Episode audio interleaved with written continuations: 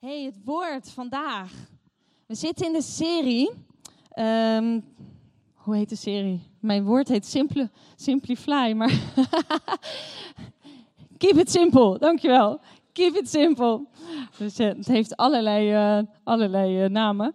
En weet je, vorige week is mijn man heeft de aftrap gedaan, om maar zo te zeggen. Vandaag spreekt hij in Tilburg en daar doet hij de aftrap, dus dat is heel mooi. En ik mag deel 2 met jullie gaan delen. Eh, en ik, ik heb het woord genoemd Simplify.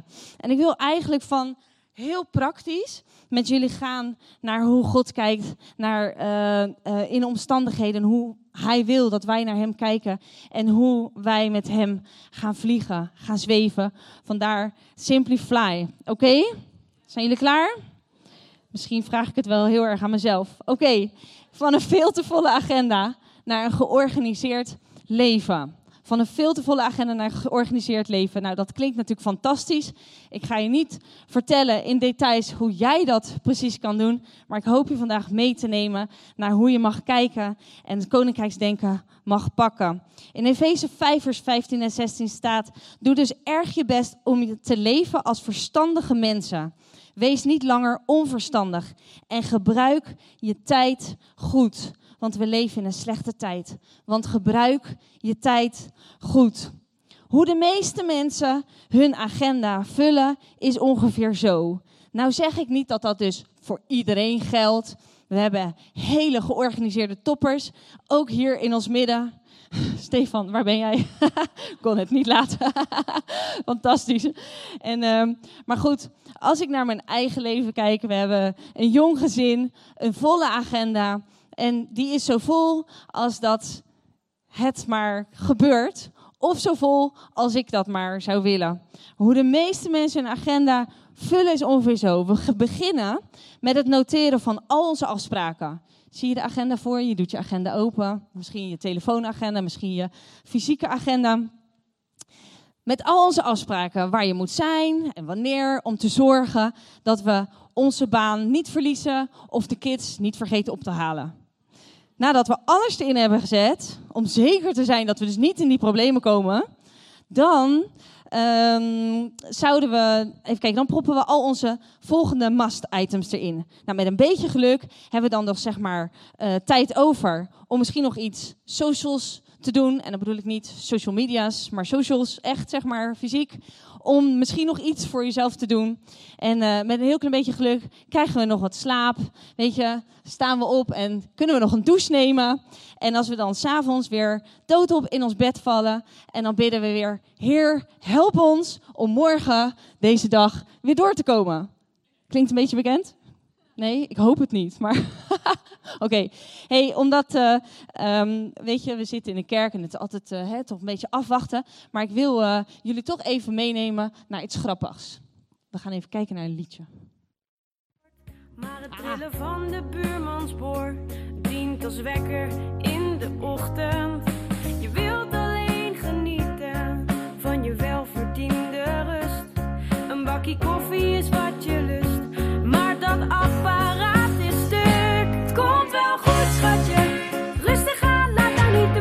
chakra.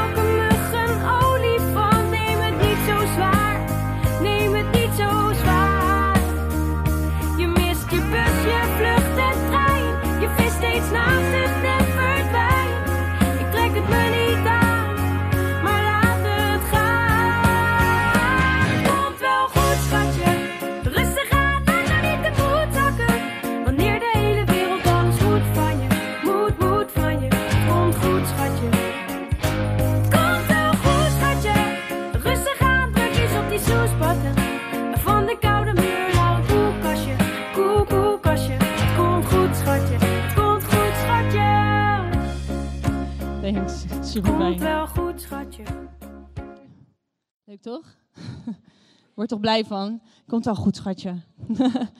Teersa, waar zit je? Jij zegt dat, hè? Komt wel goed, schatje, zegt ze altijd. Heel tof. Oké, dat was even de agenda. Het komt wel goed, schatje. hey, wat als God in charge zou zijn over jouw agenda? In charge. Ik heb een aantal vertalingen opgezocht over charge. In charge of betekent verantwoordelijk zijn voor. To charge is opladen. Een charger, a horse used in battle. Of een strijdros. Take charge, de leiding nemen. Dus als God verantwoordelijk was voor jouw agenda, de oplader van jouw leven, de strijder die door voor jou, zou, voor jou zou uitgaan, de leiding had over jouw agenda, hoe zou jouw leven er dan uitzien? Daar wil ik je mee naartoe nemen vandaag. Hey, een verhaal van iemand van 17 die net in de kerk was. En uh, hij werd, niet hier trouwens, en uh, hij werd uh, gecoacht door een mentor. En deze mentor, na een aantal gesprekken, keek hij de jongen aan. En toen, zei hij, toen vroeg hij hem een vraag. En in feesten staat het: Be careful then how to live. Not as unwise, but as wise. De tekst die we net hebben gelezen. Making the most of every opportunity. En de vraag was: wat als jij je agenda zou laten leiden door God? De jongen die le leefde zijn leven als elke 17-jarige dat doet. Uh, hij ging naar school en hij kwam thuis om zijn huiswerk te maken. Lees Netflixen. En um, kijk of jullie wakker zijn. hij kwam thuis om zijn huiswerk te maken, toch? Lees Netflixen? Nee, doen jullie dat niet? Oké. Brave, brave jonge Freeze vandaag. En uh, weet je, hij uh, hing met zijn vrienden en vriendinnen rond en hij was aan het daten.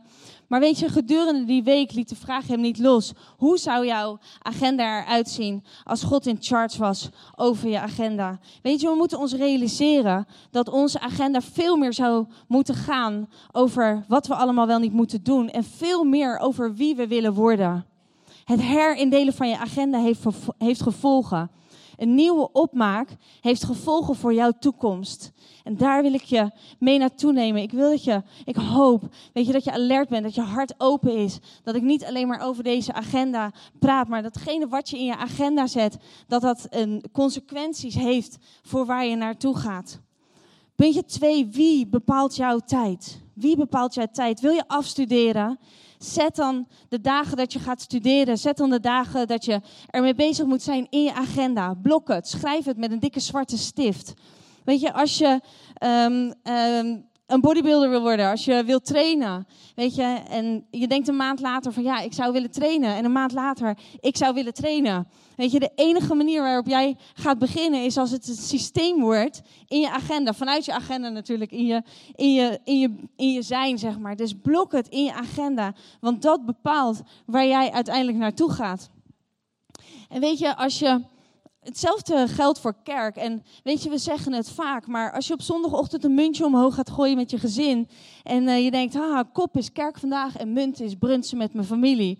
Weet je, dat gaat jou niet helpen in de groei en de vriendschappen, in de relatie met God. En de vriendschappen, weet je wel, je, je, je bloei en je groei. Zet het in je agenda. Hoeveel mensen, hoeveel van jullie hebben kerk in je agenda staan?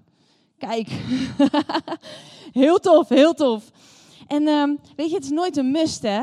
Maar het zal je helpen. Het zal je helpen om te gaan waar je naartoe wil gaan. Als je wil groeien in je relatie. Als een verhaal van iemand die privépiloot wil worden. Dan denk je, is hoog gegrepen, maar hij zette het in zijn agenda. Natuurlijk kwam er meer bij kijken. Hij moest lessen boeken, hij moest er naartoe, hij moest misschien ons spullen aanschaffen. Maar hij zette het in zijn agenda. En daar begon het mee. En zo, zo startte het. Hij is privépiloot geworden. Weet je, Daniel die sprak er vorige week over. Je kan je omstandigheden niet de schuld geven. Hij sprak een stukje over Maria en Martha. Of beter gezegd, stop met de omstandigheden schuld te geven. Mag ik dat zeggen? Jij bent zelf verantwoordelijk voor jouw keuzes. Jij bent zelf verantwoordelijk voor naar waar je naartoe gaat. Weet je, de hele wereld kan aan je trekken, maar uiteindelijk bepaal jij zelf de agenda. Je bent zelf verantwoordelijk. Um, Jij bepaalt waar je over een paar weken, maanden of langer uh, bent. Ook al geef je je tijd aan God. Geef Hem. Weet je, of geef je hem het roer in handen? Jij bent degene uiteindelijk die de beslissing maakt. Je, als we zeggen, Heer, mijn leven is van u, maar wij beslissen iets heel anders in dat plan, om het maar zo te zeggen. Wij beslissen waar we naartoe gaan. En een voorbeeld daarvan is uh, het verhaal van Jona. Jona die was gevraagd door God om naar de stad Nineveh te gaan. En uh, Jona zei nee. En weet je, hetgeen wat hem tegenhield, dat weet ik niet. Dat staat niet in de Bijbel. Er staat wel dat het een, een vijandelijke stad was. Dus ik kan me voorstellen dat hij heel bang was. Dat hij niet heel veel zin had om daar naartoe te gaan. Of dat hij zich echt op een gevaarlijk gebied zou begeven. Dus ik snap dat hij dacht van, oh wacht even, no way Jose, dat ik daar naartoe ga. Maar God had andere plannen en uiteindelijk is hij wel gegaan. Maar die keuze die heeft hij gemaakt. Hij maakte zelf de keuze om niet te gaan en later maakte hij die keuze om wel te gaan. God, geef God je tijd. Geef God je tijd. Oké, tot hier was het een beetje praktisch. Maar ik wil natuurlijk ook geestelijk met je kijken. Matthäus 6, vers 33. Geef het koninkrijk van God en het doen van Gods wil de eerste plaats in jullie leven. Dan zal Hij al deze dingen geven. Maak je geen zorgen over de volgende dag, want de volgende dag zal weer zijn eigen zorgen met zich meebrengen. Elke dag heeft genoeg aan zijn eigen problemen. Er staat: geef het koninkrijk van God en het doen van Gods wil de eerste plaats in jullie leven en dan zal Hij jullie al deze dingen geven. En punt drie is, zie wat God wil dat je ziet. Vraag om openbaringen. Zie wat God wil dat je ziet. Vraag Hem om openbaringen. Vraag Hem om geloof. Hij wil dat je toekomst ziet vanuit Zijn perspectief. Het volk dat uit Egypte kwam, ze keken naar hun nieuw land met geloof. En vanuit zijn woord. In Exodus 33, vers 14 staat: The Lord replied, My presence will go with you and I will give you rest. My presence will go with you and I will give you rest. Kijk anders. Kijk vanuit de ogen van God. En de Samaritaanse vrouw, als je christelijk bent opgegroeid, dan heb je het vast wel eens gehoord van dit verhaal. In Johannes 4 staat dat Jezus een vrouw tegenkwam bij, uh, bij een put, bij een waterput. En in de tijd, uh, volgens de wet, was het niet toegestaan als een, van een Jood om met een Samaritaan te spreken. Dus hij, hij, hij brak daar al, hij keek naar de vrouw met andere ogen. En hij zei tegen mij, als je mij kent, zal ik je stromen van levend water geven. En de focus van de vrouw, die was niet geestelijk. De focus van de vrouw was op een natuurlijke, dus ze dacht stromen van levend water. En vroeg aan Jezus, heeft u een emmer dan? En in een andere vertaling vroeg ze, heeft u dan een kruik of heeft u dan een kom? Ze keek naar de omstandigheden, maar God keek verder. God keek naar haar. God keek naar het bovennatuurlijke. God keek naar het hemelse. Jezus keek naar zijn vader. En door de ogen van de vader keek hij naar deze vrouw. Naar wat zij nodig had op dat moment.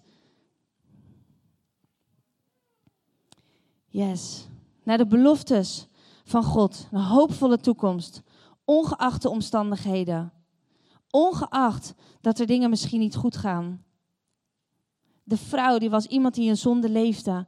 En volgens de wet mocht Jezus dus niet met haar praten. Maar hij zag haar. Hij zag haar. Weet je, hij ziet jou. Hij ziet jou. Vraag hem om mensen te zien door zijn ogen. Vraag Hem om naar omstandigheden te kijken door zijn ogen. Vraag Hem om meer geloof. Vraag Hem om openbaring. Vraag Hem om tegen jou te spreken. Oké? Puntje 4. Breaking through. Ik ga een beetje snel, hè, dat weet ik, maar ik kijk naar de tijd en ik kan zoveel kletsen. Breaking through. Weet je, we kunnen ons heel makkelijk laten afleiden door allerlei omstandigheden. En sommige omstandigheden zijn ook echt tough. Die zijn echt niet goed. Die zijn echt niet leuk. Die zijn echt heel moeilijk. En er zijn omstandigheden waarvan we weten, waarvan we voelen, waarvan we uh, vanuit ons natuurlijke zicht niet doorheen kunnen komen. Maar zelfs in deze seizoenen zet jij je agenda, zet je je toekomst in de agenda. Weet je, je kan bijvoorbeeld tijdelijk lamgelegd zijn door omstandigheden. Misschien wel door vermoeidheid of een burn-out.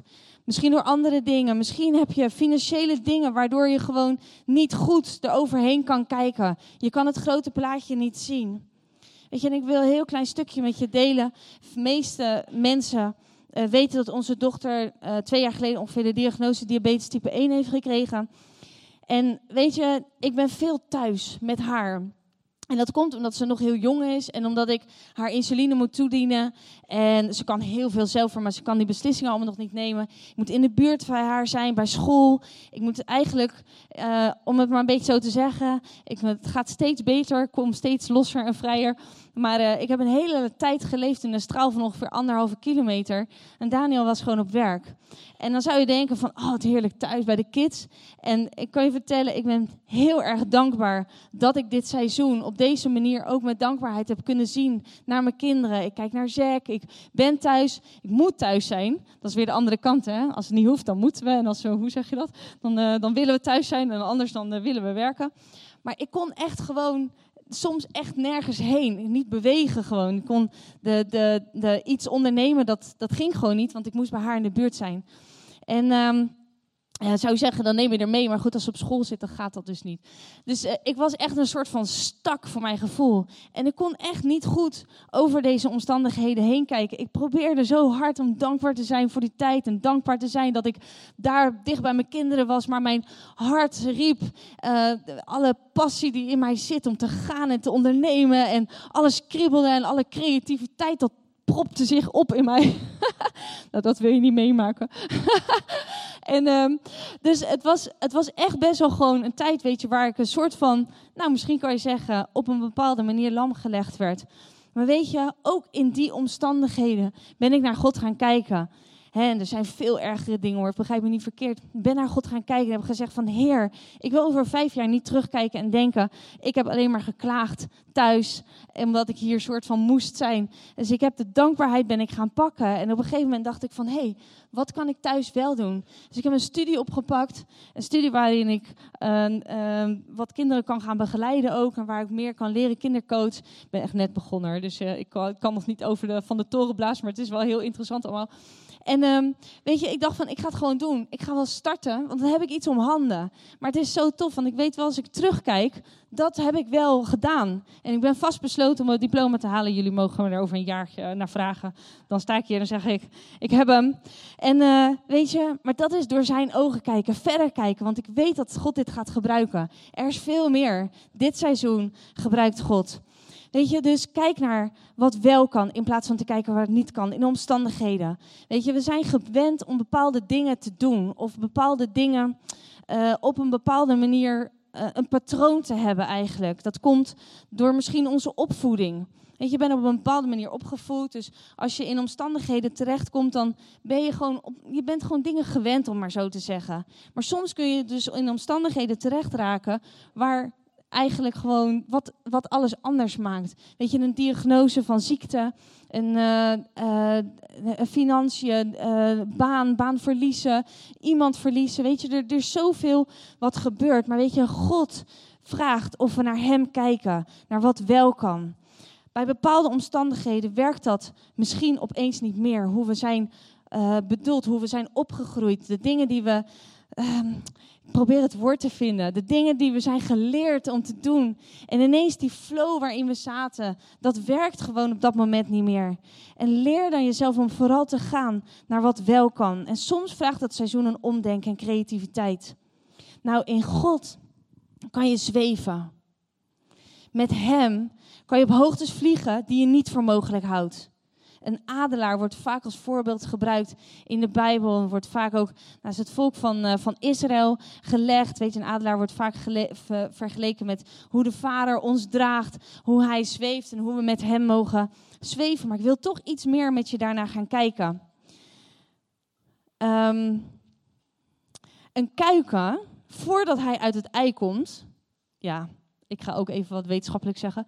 Een kuiken voordat hij uit het ei komt, moet van binnenuit door de schil heen pikken.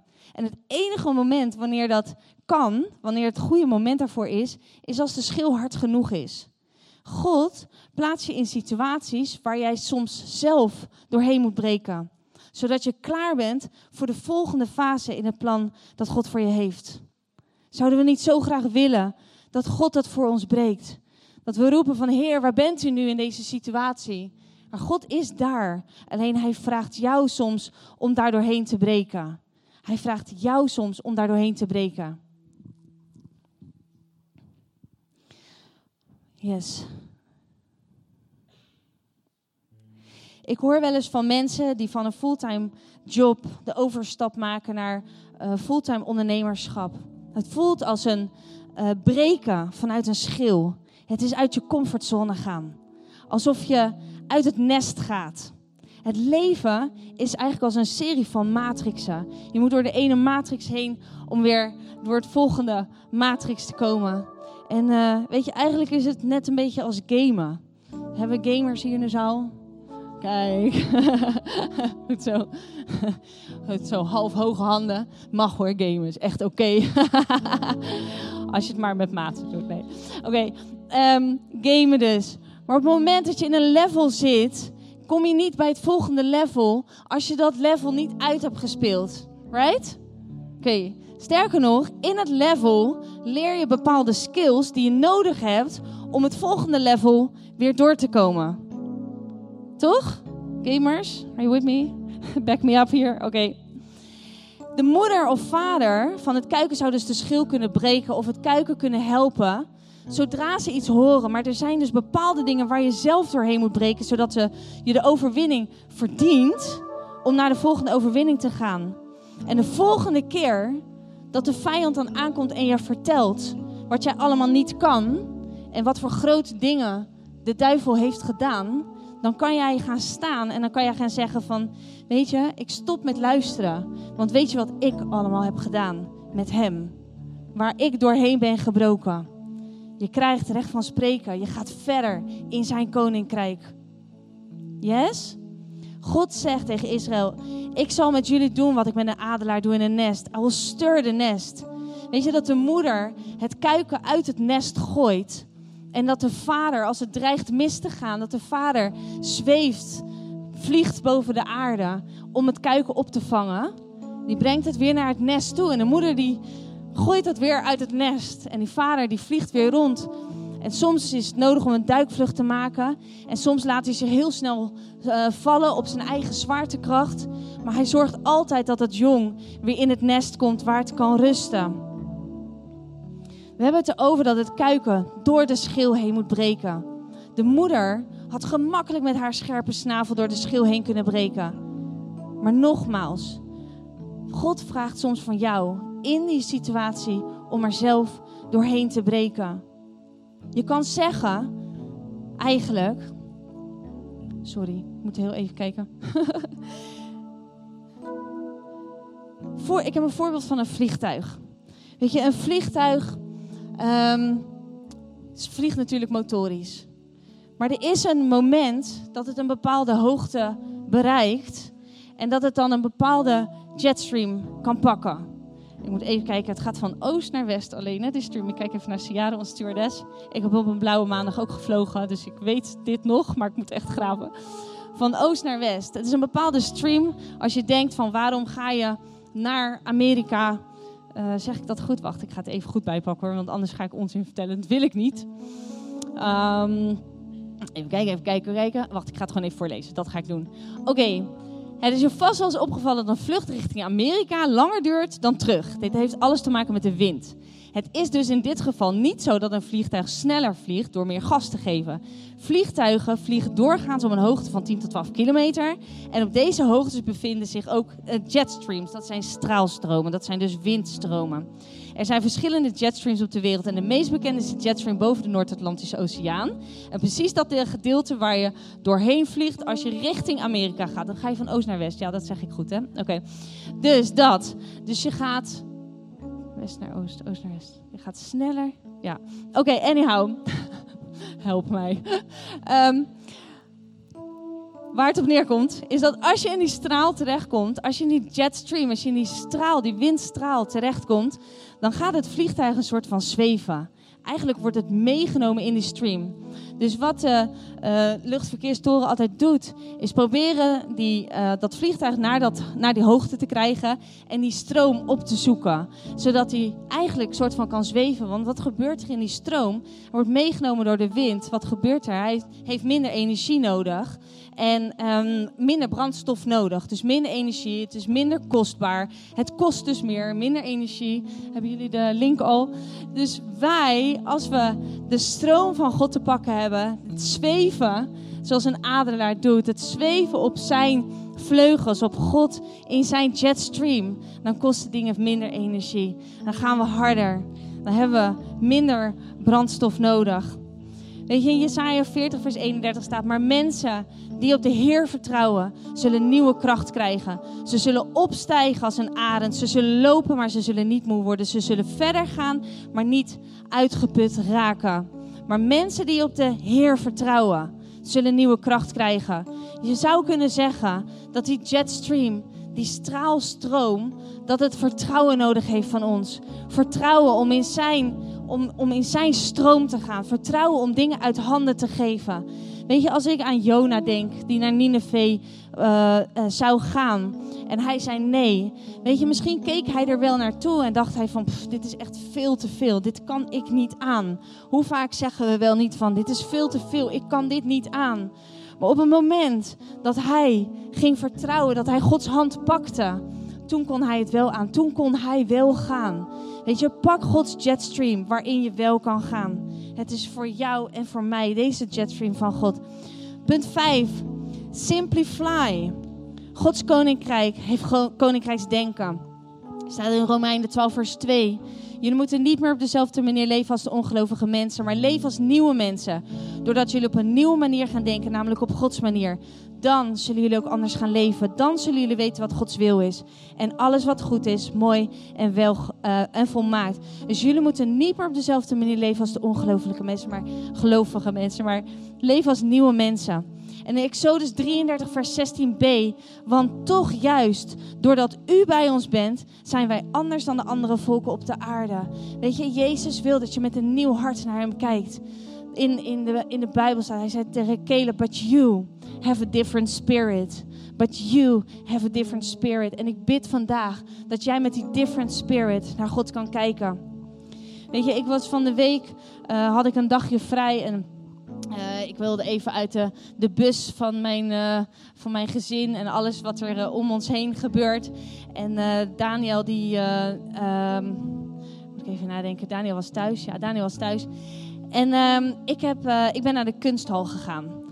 Uh, denk je, waarom naar de kunsthal? Nou, dat vond ik leuk. Dacht ik, dat ga ik gewoon doen. Het regende een beetje buiten, dus ik dacht, daar ga ik naartoe. En er was uh, verschillende exhibities. En één exhibitie was van een, uh, een, een, ja, allemaal foto's van t-shirt. mensen met t-shirts op de achtergrond met uitspraken erop. En terwijl ik in die ruimte stond, voelde ik Gods aanwezigheid zo heel dichtbij. Want ik hou ervan als ik wegga alleen, dat ik gewoon heel dicht bij God kan kruipen. En... Um, ik stond daar en ik voelde tegelijkertijd zoveel pijn en zoveel leegte, wat eigenlijk van die muren afkwam. En weet je, um, we leven in een maatschappij waar er gewoon veel pijn en veel leegte is. Ik wil wat van die uitspraken voorlezen. Niet schrikken. Turn off your TV. Misschien staan ze ook op het scherm. Turn off your TV. No justice, no peace. It takes a nation of millions to hold us back. Antisocial, social club. Um, Family ain't always pretty. Poor, ugly, happy. Illegal business controls America. We won't grow up. Leave me alone. God can't save you. Ik stond daar en ik kan er nog steeds emotioneel van worden. Het punt dat je daar staat. En dat de maatschappij, dit, dit is een, een stukje vertegenwoordiging, niet van de hele maatschappij natuurlijk, maar wel van dingen die er spelen. Ik kan je vertellen, God kan je wel redden. Sterker nog, Hij is de enige weg, de waarheid en het leven. En Hij is bij macht om dingen te doorbreken. Hij is bij macht de emoties te helen. Je een nieuwe identiteit te geven. Hij heeft de macht om jou zijn zoon, zijn dochter te noemen. Van overscheduled naar een te volle agenda. Naar een te volle, van een te volle agenda naar leven. In vertrouwen op Hem. Van een focus in een wereld waar geen focus is, naar zweven op zijn hoogte. Ik geloof dat hij dat vandaag voor jou heeft, voor ons heeft. Oké. Weet je, misschien kunnen we onze ogen sluiten. Bent, laat me niet in de steek. en um, ik wil voor je bidden. Ik wil voor je bidden als jij dit wil pakken vandaag, als jij van overscheduled, van een te volle agenda wil gaan naar een focus op Hem, kijken door Zijn ogen, het zweven, zweven met Hem. En ehm,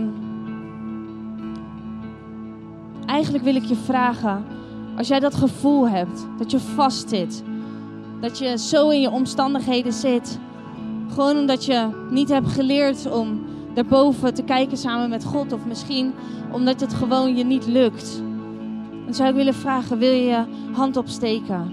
Iedereen heeft zijn ogen dicht, gewoon om elkaar privacy te geven. Dan wil ik voor je bidden. Wil ik voor je bidden. Come on. Niet terughouden. Heer, ik bid op dit moment dat u geeft, Vader, wat nodig is om uit deze omstandigheden te stappen. Om uit deze ehm, eh, natuurlijke kijk te gaan en onze ogen richten op u. In Jezus' naam. Ik bid, Vader, op dit moment, Heer, dat de mensen die hiermee worstelen, dat u geeft wat nodig is, Vader. Heer, dat u, uw, uw, uw doorbrekende kracht, Vader. Heer, uw vleugels, Vader, zoals die vader Arend, dat u ons optilt in Jezus' naam en weer terugbrengt in het nest.